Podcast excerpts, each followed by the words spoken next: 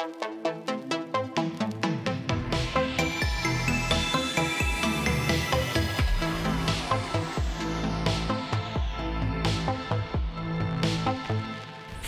till Häxtimmen.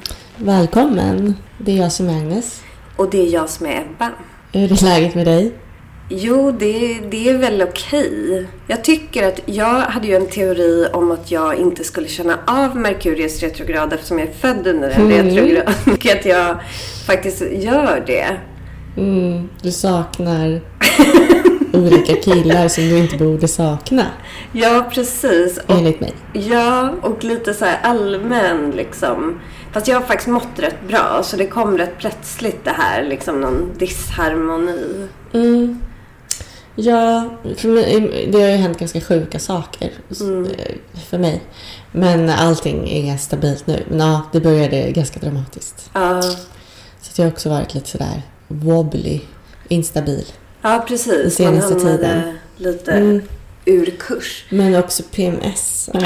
Ja, det har jag också haft i typ två veckor. Åh men gud Tills idag. Eller jag har kanske det fortfarande men kom, det kommer väl gå över nu. ja men. Precis. Samma här. Oj, har vi samtidigt? Ja, Ja. Spännande. igår. Ja, jag med.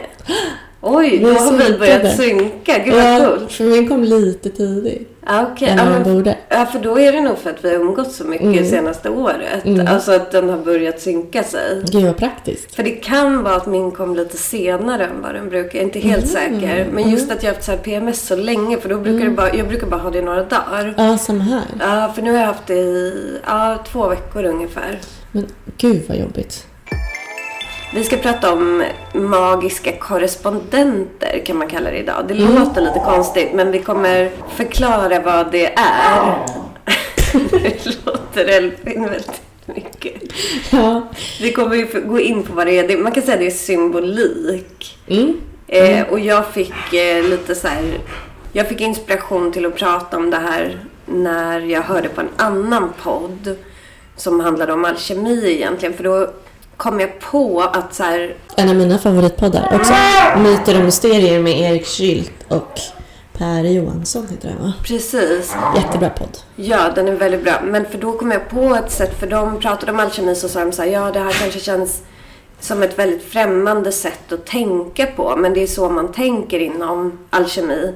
Och då kom jag på att ja, men det är ju så man tänker inom magi. Och det kanske, för mig är det så naturligt. Men det kanske är ett främmande sätt att tänka och använda sig av olika symboler och så här. Så vi kommer liksom prata om vad typ magiska korrespondenter är, hur det funkar, varför man använder det och så.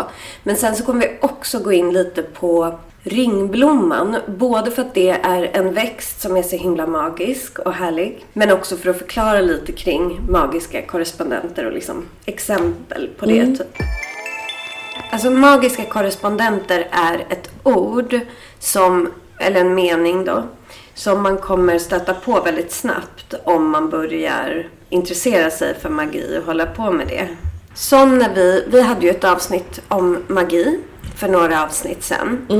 Och då så sa ju vi så här, lavend, vi pratade ju om lavendel rätt mycket då.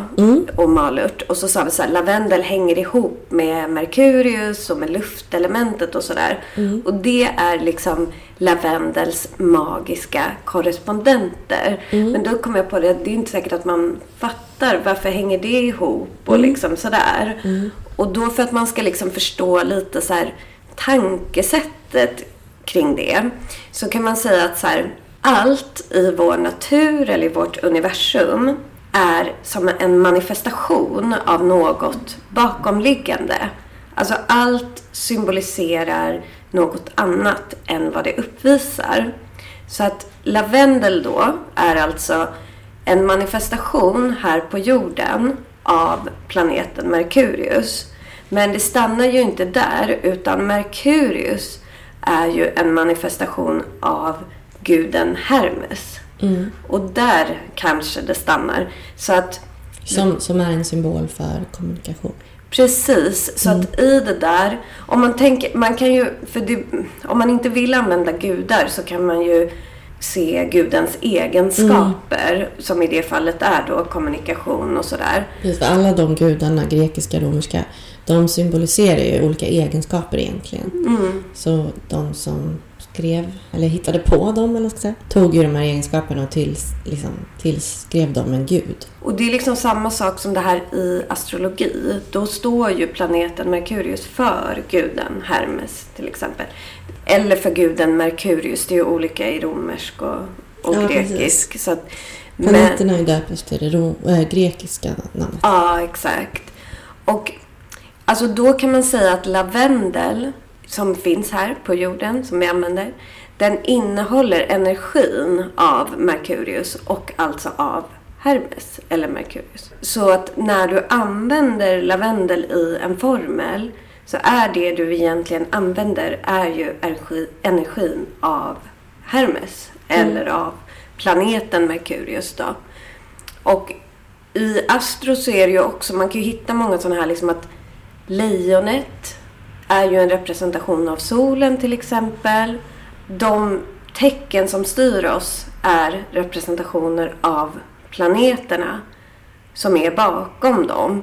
Och de planeterna är representationer av de här olika gudarna som har olika egenskaper. Och så här, här i har vi också lite, alltså vi har lite essensen av tarotkort. För att tarotkort innehåller ju massa av de här symbolerna. Alltså de innehåller ju då kanske inte just lavendel i den traditionella tarotleken men olika symboler som är kopplade till de här olika sakerna. Och då kan man titta så här på, jag tänker kortet High Priestess kan vi ta som exempel. Eller Översteprästinnan kallas hon ju på svenska. Där har vi till exempel, alltså några symboler som finns med där. Det är till exempel en måne vid hennes fötter. Hon har en svart och en vit pelare bakom sig. Det är ett skynke bakom henne som det är granatäpplen på. Hon har också en krona som är så formad som en måne. Vi har siffran två till exempel. Och då så kan man tänka, alltså för det är lite så här man läser tarot, att månen, det står ju för planeten månen såklart. Och i den så har vi, bakom den har vi ju mångudinnor bland annat. Och vi har femininitet. Och då har vi liksom Divine Feminine i det här kortet. Den svarta och vita pelaren står till exempel för yin och yang. Alltså som menar att man ska balansera olikheter. Granatäpplet är både kopplat till månen och till Venus. Och där har vi också det gudomligt feminina. Men vi har också olika gudinnor där i som vi hittar i det här kortet. Så vi hittar till exempel Persefone, vi hittar Venus, alltså gudinnan Venus eller Afrodite som hon kan kallas. I eh, High Priestess krona, den är formad som en triple goddess. Alltså det tecknet för en triple goddess är fullmåne med två mindre månar på sidorna av dem. Det är också kopplat till månen och såklart och Divine Feminine men det är även kopplat till Isis, alltså gudinnan Isis. I antika Egypten. Ja, precis. Och så har vi ju siffran två för dualitet och balans och sådär.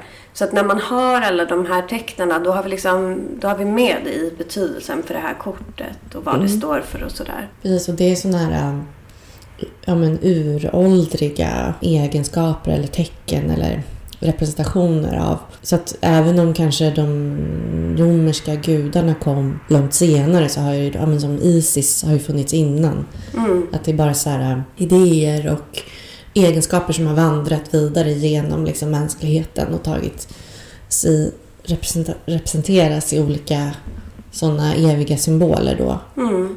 Och att man vänder sig till månen till exempel är ju väldigt naturligt eftersom den är så en stor del av våra liv. Ja, men och då om man vill liksom så här utforska lite symboler, då kan man säga till exempel om man har det här kortet High Priestess, så tänker man så här, vad är mer, vad kan mer vara kopplat till det här kortet? Och då har vi till exempel så här månsten, alltså man ska tänka en kristall som är kopplad till kortet. Då har vi ju månsten som är kopplad till månen. Vi har till exempel blomman jasmin som är kopplad till månen. Djur som är kopplade till månen är till exempel hund, varg, uggla, hare, groda. Alltså sådär. Och då blir liksom alla de kopplade till det här kortet. Så allt hänger ihop liksom med olika symboler. Och då tänker jag, för att om man ska göra en spell då står det ofta så att du ska använda ros och du ska använda ja, men, någon olja och sådär. Och då lite för att man ska förstå vad det är man gör. Varför har man en ros liksom? Då är det viktigt att man kanske undersöker den här symbolen lite. För att det man använder är ju inte kanske bara själva rosen. Utan man använder ju energin i den här rosen.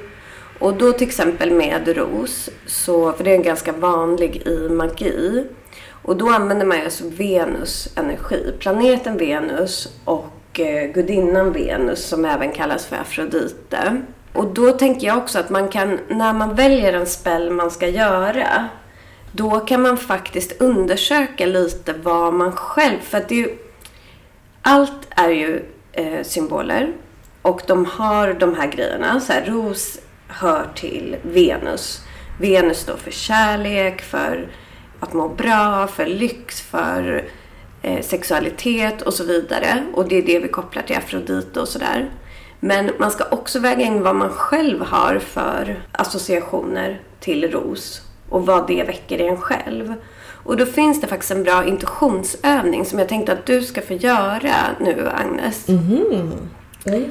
Och vi ska faktiskt göra den just med ros. Mhm. Vi ska ta fram papper och penna till dig. Okej. Du har nu papper och penna. Du ska skriva, du ska ta pennan i vänster hand, inte höger. Okej. För du är ju högerhänt. Ja, precis. Så du skriver alltså med eh, din, eh, den handen som du inte är van att skriva. Och det gör man lite för att så koppla bort det typ eh, traditionella tänkandet, där man ska säga. Vi ska nå din intuition mer. Mm. Och så får du, du ska skriva röd ros på det där pappret. Okej. Ska jag skriva det nu? Ja. Mm.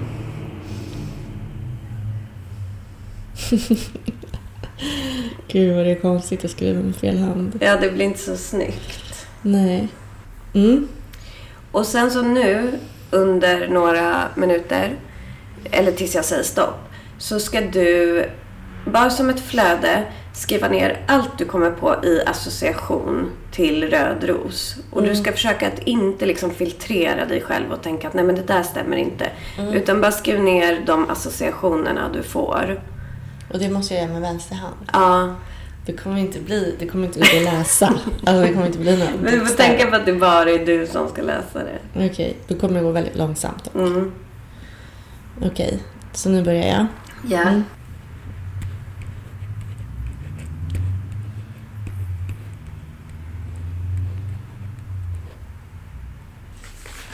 Vad har du fått? Ska vi stoppa? Ska vi stoppa här? Vad har du fått ner? Bara så du ser vad det står.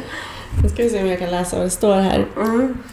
Okej, röd ros. Det första jag skrev var rött. Mm. Det var ju toppen. Ja, men där är ju också intressant för rött har ju massa andra associationer. Mm. Faktiskt. Det kan man undersöka också då. Skriva Mm. sen rött på ett papper och se Mm. vad man får upp. Typ blod och sånt där. Ja, intensitet och ja men så. Mm. Ja, jag skrev röd ros. Skrev jag rött. Och sen skrev jag emoji. Jaha. Då är man ju lite skadad kanske. Ja. För jag såg ju emojin framför mig. Vilken är det? Ros-emojin. Jaha, den ja. ja ja. man använder ju den eh, ibland. Och Ja. då kan det vara liksom så här. Man använder den på många olika sätt tror jag. Mm, Men mm. det kan vara väldigt mycket så här. Eh, vad snällt och sen en ros. Ja, eller ja, typ, precis. Tack. Typ eller typ så här. Hej min vackra ros. Ja. Eller någonting sånt. Sen har jag skrivit sorg. Mm.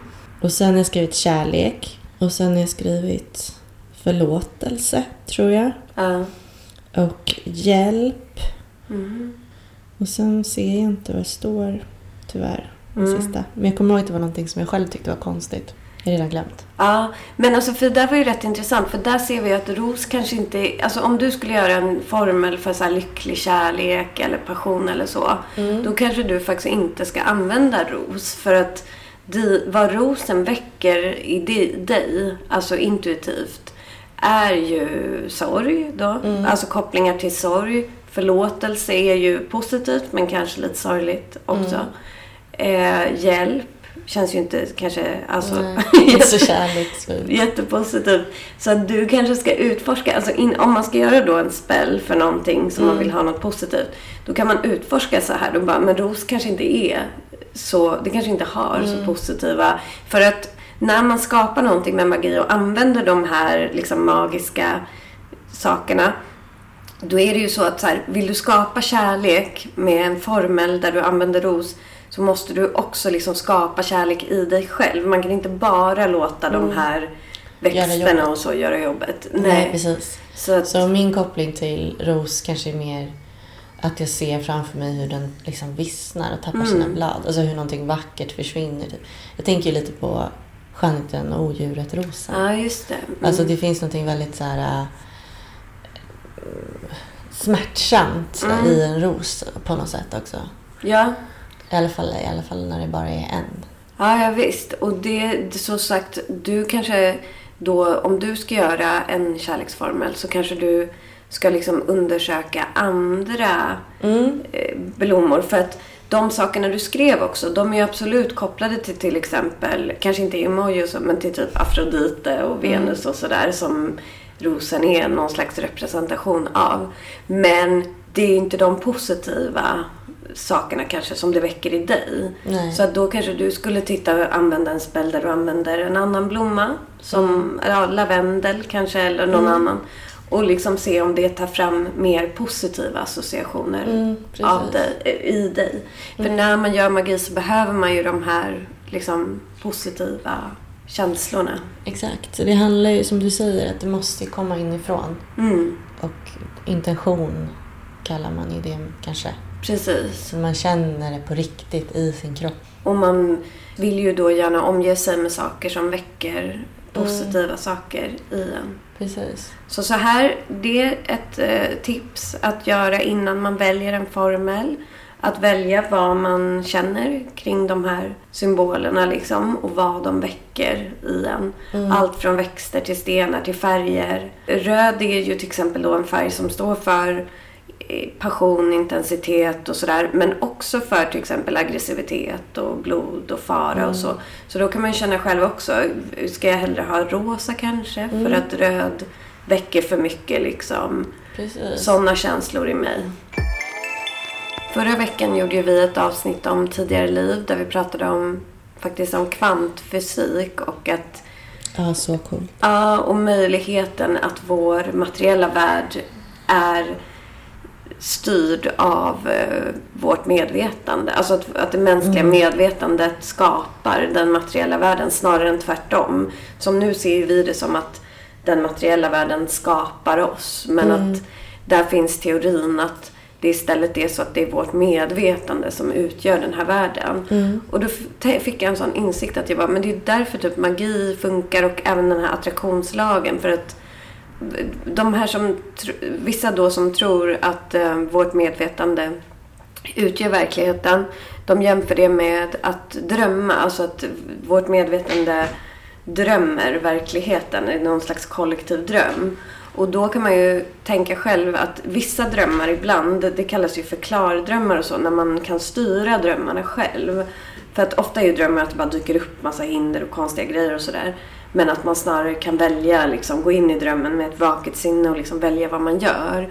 Och då tänkte jag på det att liksom magi och så kanske funkar för att man på något vis börjar styra sin dröm då. När man liksom tror och känner att man har kontroll över det så börjar man styra det. Mm. Och man har, tar till massa verktyg som ger mer energi till det, den tron inom en. Men det som du sa i ett avsnitt, jag vet inte om jag har tagit upp det här två gånger nu, men som jag har liksom fört vidare till mina vänner, som jag, för jag tyckte det var så fint sagt. Och det är egentligen kanske självklart, men det är bara så här, man vill påminna sig om det.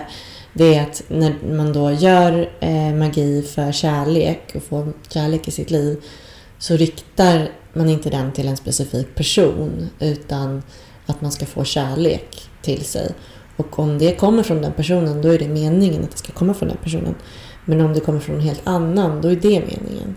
Ja, Eh, att det är det man behöver. Liksom. Så att det är ju istället för att då bara jag vill ha en miljon så kanske det är så här jag vill må bättre eller ha en Mm. bättre ekonomi eller någonting och då kommer det på, till en på det sättet som det ska. Ja, för det är ju så. Det går ju inte att styra exakt vad som ska hända eller så exakt vem man ska vara med eller så. Och ofta är det ju faktiskt så att så här, alltså, saker man verkligen vill ha kanske inte är det bästa för en. Liksom. Nej, Alltså precis. vissa sådär specifika saker som man absolut känner Mm. att man vill ha. Men en sak som är cool med drömmar också, apropå det. Det är, för jag gillar ju väldigt mycket symboler och liksom hålla på med. Alltså, och när jag säger symboler så menar jag inte bara så här någon tecken eller sådär. Alltså Nej. så magiska tecken. Utan jag menar liksom allt. Alltså så att eh, en sten är en symbol för någonting. Liksom en fågel är en symbol. Alltså sådär. Mm. Och när man tänker på just drömmar som vi nämnde nu. Så är ju våra drömmar består ju också av sådana här symboler. Och då tycker jag det är så intressant både det här som vi gjorde nu. Alltså vad väcker det för symboler i dig? Och vad har det för liksom generella symboler? Så om man drömmer då om till exempel Ja, men man kanske drömmer om en ros. Att så här, istället för att bara tänka att ah, nu har jag drömt om en ros. Att man undersöker då vad är det faktiskt du har drömt om. Och just kan man göra den här övningen till exempel för att se vad det är i, liksom, i ens eget medvetande som man har eh, drömt om. Och sen så också kollektivt. Att så här, är det någon eh, gudinna som har ett meddelande? Eller liksom, vad är rosen kopplad till? Vad står rosen för? Mm. Ja, exakt. Det, det är ett sätt att utforska sitt eget sin, sitt inre. Jag tänkte bara på det nu faktiskt att jag har gjort sån här övningar jättemycket när jag var yngre. För att jag, i skolan så fick vi en kurs som de erbjöd på min skola hette Communication Skills. Och då fick vi, vi som gick den, då liksom hade vi ett block och så sa läraren kanske då apelsin och så fick vi skriva, vi skrev med rätt hand. Men vi skulle liksom skriva snabbt. Mm. Och sen så fick vi en minut på oss eller någonting och så, så kanske hon sa någonting annat. Och sen om vi ville så fick vi läsa upp för varandra vad vi hade sagt. Och då hörde man ju verkligen det där hur olika man, eh, var, liksom, hur olika man kände kring. Och då var det inte bara att vi ska skriva apelsin utan kanske vi skrev orange och då kanske vi tänkte på ringblomma och då kanske vi Mm. tänkte på ring, giftermål eller liksom så här. Ja. Så att det bara försvann iväg ut i... Det är inte exakt samma sak som det här. Men det, är lite, men det är väl det som kallas för Stream of consciousness. Ah. Ja, precis. Det, är- det är också en, alltså det är inte samma sak som det här för då utforskar man inte en symbol på det sättet. Mm. Men det kan vara ett sätt att eh, öva på och göra så. Ja, precis. Och det är ju, jag tycker också det är så intressant för att om man till exempel, ja men som du sa nu att om man tar orange och så tänker du på ringblomma och då behöver man inte stanna ens, alltså att man också ser så här, jag kanske fick en ringblomma av en kompis när jag Mm. var tre eller fem år. Så egentligen kanske drömmen handlade om den kompisen. Alltså så där är ju Mm. när man börjar verkligen utforska drömmar. Att Mm. det kan till och med vara att det handlar om en annan person eller något man har varit med om men som kommer upp i symboler. Mm. Men vi ska prata lite om ringblomma. Det var ingen slump att jag sa det eftersom det står en hel bukett här på bordet. Eller två till och med. Exakt, det var en, eh, en observation av dig. Mm. Och det också, jag har varit ute, jag, ringblomman blommar ju faktiskt in till oktober ungefär. Så det är ganska lång tid den finns. Och jag har varit och plockat den på Rosendal och gjort lite så här drömmagi och så med ringblomma. Alltså man kan ju drömma sanddrömmar med ringblomma och sådär. Men jag tänkte, alltså vi ska prata lite om, för jag gillar ringblomman väldigt mycket och gillar att använda den i magi framför allt. Jag håller på att göra sån här tinktur som jag kommer... Man kan göra tinktur av vilken blomma som helst som inte är giftig. Och då plockar man ju av kronbladen oftast, torkar dem och eh, sen så häller man över. Man har en del blomblad med två delar sprit som är inte smaksatt, typ vodka eller brännvin eller något sånt där. Och eh, så låter man det stå i typ fyra veckor. För då drar liksom spriten åt sig växtens eh, ja, egenskaper och Mm. så. Sen så kan man dricka det. Man dricker inte mycket utan man tar kanske tre droppar om dagen och så. För att få in den här växtens energi. Och då har jag valt ringblomma nu för att det är mycket av den här solenergin. För jag har känt att jag behöver det. För då om vi ska prata vad som styr ringblomman liksom. Eller vad den har för magiska korrespondenter. Så är det ju just, alltså den är väldigt kopplad till planeten solen. Därmed är den också kopplad till lejonet eftersom lejonet styrs av solen. Och då kom jag på det. Jag bara, det kanske är därför jag gillar den så mycket eftersom jag har så mycket lejon i mig. Ja, just det. Mm. För där får den ju också då...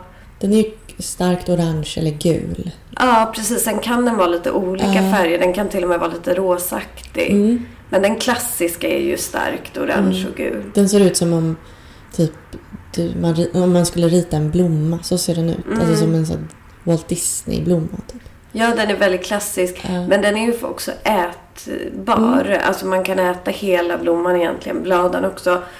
Den är också...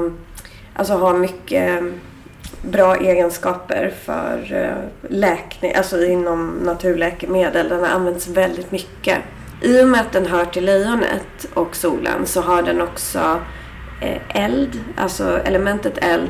Och den har även den fasta kvaliteten, alltså när vi har pratat om kardinal och fast och rörlig. Och därför kan man då titta, då hänger den ihop med, vilken metall hänger den ihop med? Guld, för guld hänger ihop med solen.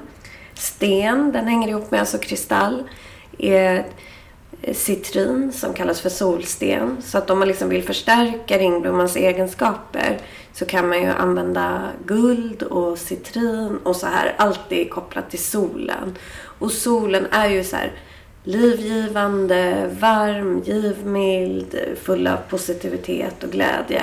Och jag kände själv liksom att jag behöver, dels jag behövde det här nu men också liksom hösten och de mörka månaderna och så. Men en sak som är cool och varför den är så kopplad till solen. Det är för att ringblomman öppnar sig och stänger sig. Så på morgonen när solen går upp då öppnar kronblomman upp sig. Och när solen går ner och det blir kväll så stänger sig kronblomman. Så det latinska namnet, eller det medeltida latinska namnet är Solsequim och det betyder solföljare. Alltså att den följer solen. Så den är verkligen så kopplad till solen. Och ringblomman har då alltså använts i tusentals år som medicin. Alltså i, så här i Egypten använder man mycket ringblomma. I gammal indisk och arabisk medicin, i Grekland och Rom och sådär. Det finns jättemycket skrivet av den.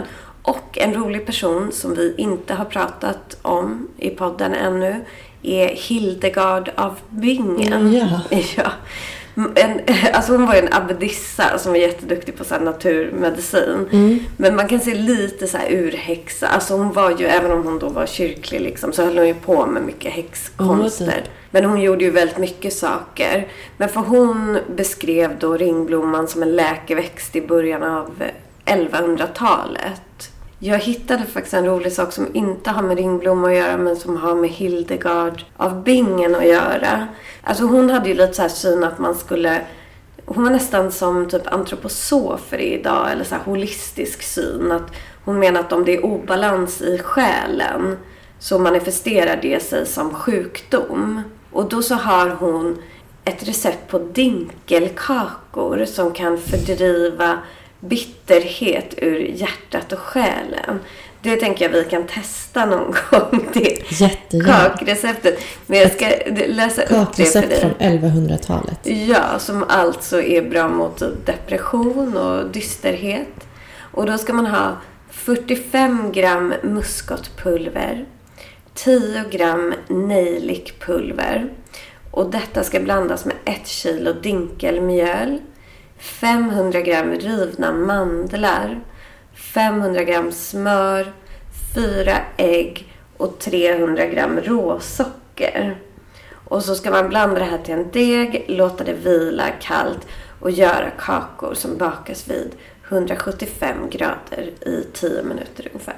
Oj, vad man kunde. Alltså redan då höll man på med sådana här recept som säljs i kokböcker idag. Ja, jag antar att de ju har kanske liksom Ja, moderniserat det ja lite precis. grann. Måtten fanns ju kanske inte då. Nej, utan det var väl en nypa och sådär. Men ja, så den smak, de smakar då kanske ganska bittert. Ja, Muskot är väl, jag vet inte. alltså muskot ska man ju vara lite försiktig med Mm, för man kan ju faktiskt fa- bli förgiftad av giftig, det. ja.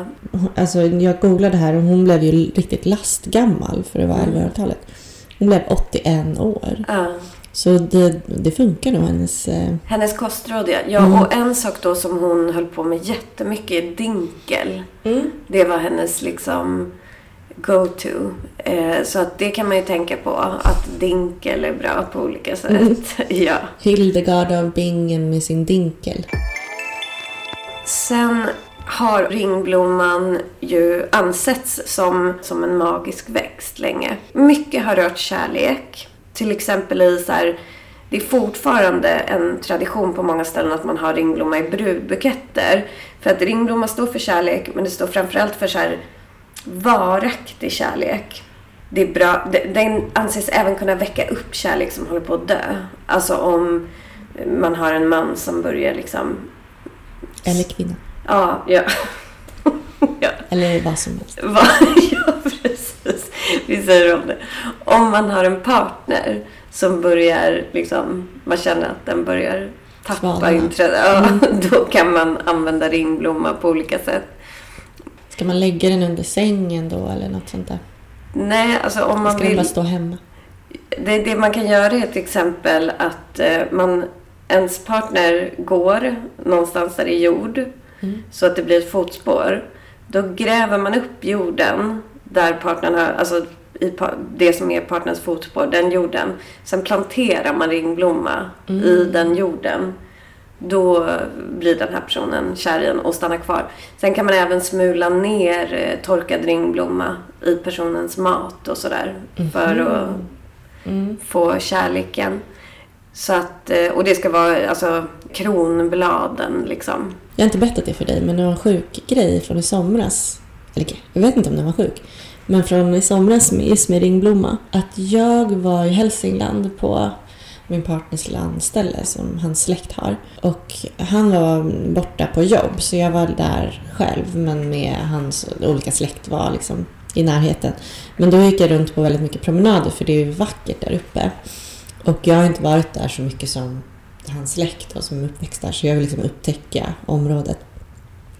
Så gick jag runt på promenad och så liksom precis i början så kände jag så här Gud vad jag skulle vilja, jag skulle vilja plocka ringblommor. Undrar om det finns ringblommor här. Mhm. Jag skulle så gärna vilja göra någonting typ. Någon sån här sanddröms eh, grej med ringblomma eller någonting av det här. Jag skulle ju såklart då fråga dig vad jag ska göra. Men bara någon sån allmän typ Längtan. Ja, så gick jag runt och liksom det enda jag gjorde var att kolla på marken efter när jag såg blommor så bara tittade jag. För de kan ju växa liksom i det vilda. Ja, visst.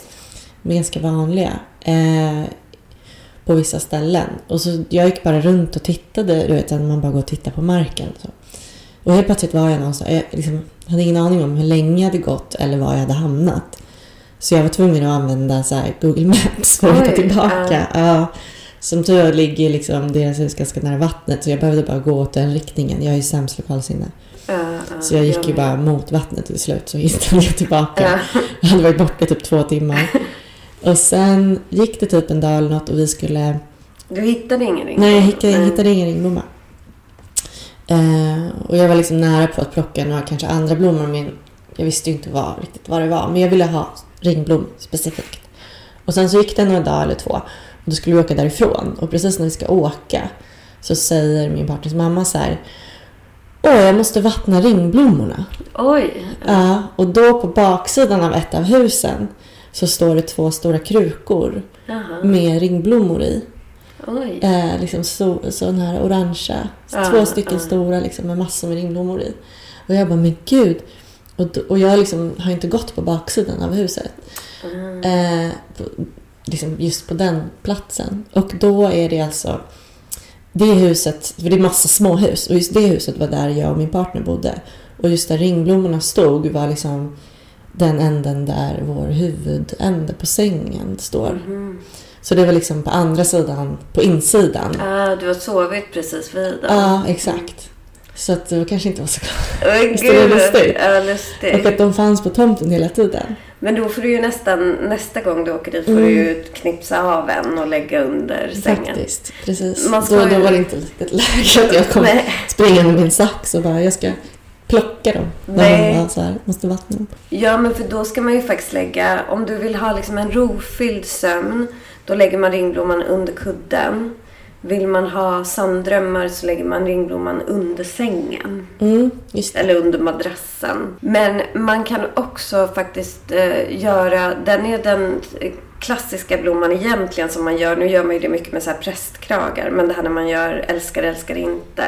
Ja, just det. Ja. Mm. Prästkragen har lite färre blad kanske. Ja, precis. Det tar ett tag med ringblomman. Ja. Men en sak som är också jättekult med ringblomman. Det är att den har ett så här synfenomen som Carl von Linné faktiskt skrev om och upptäckte.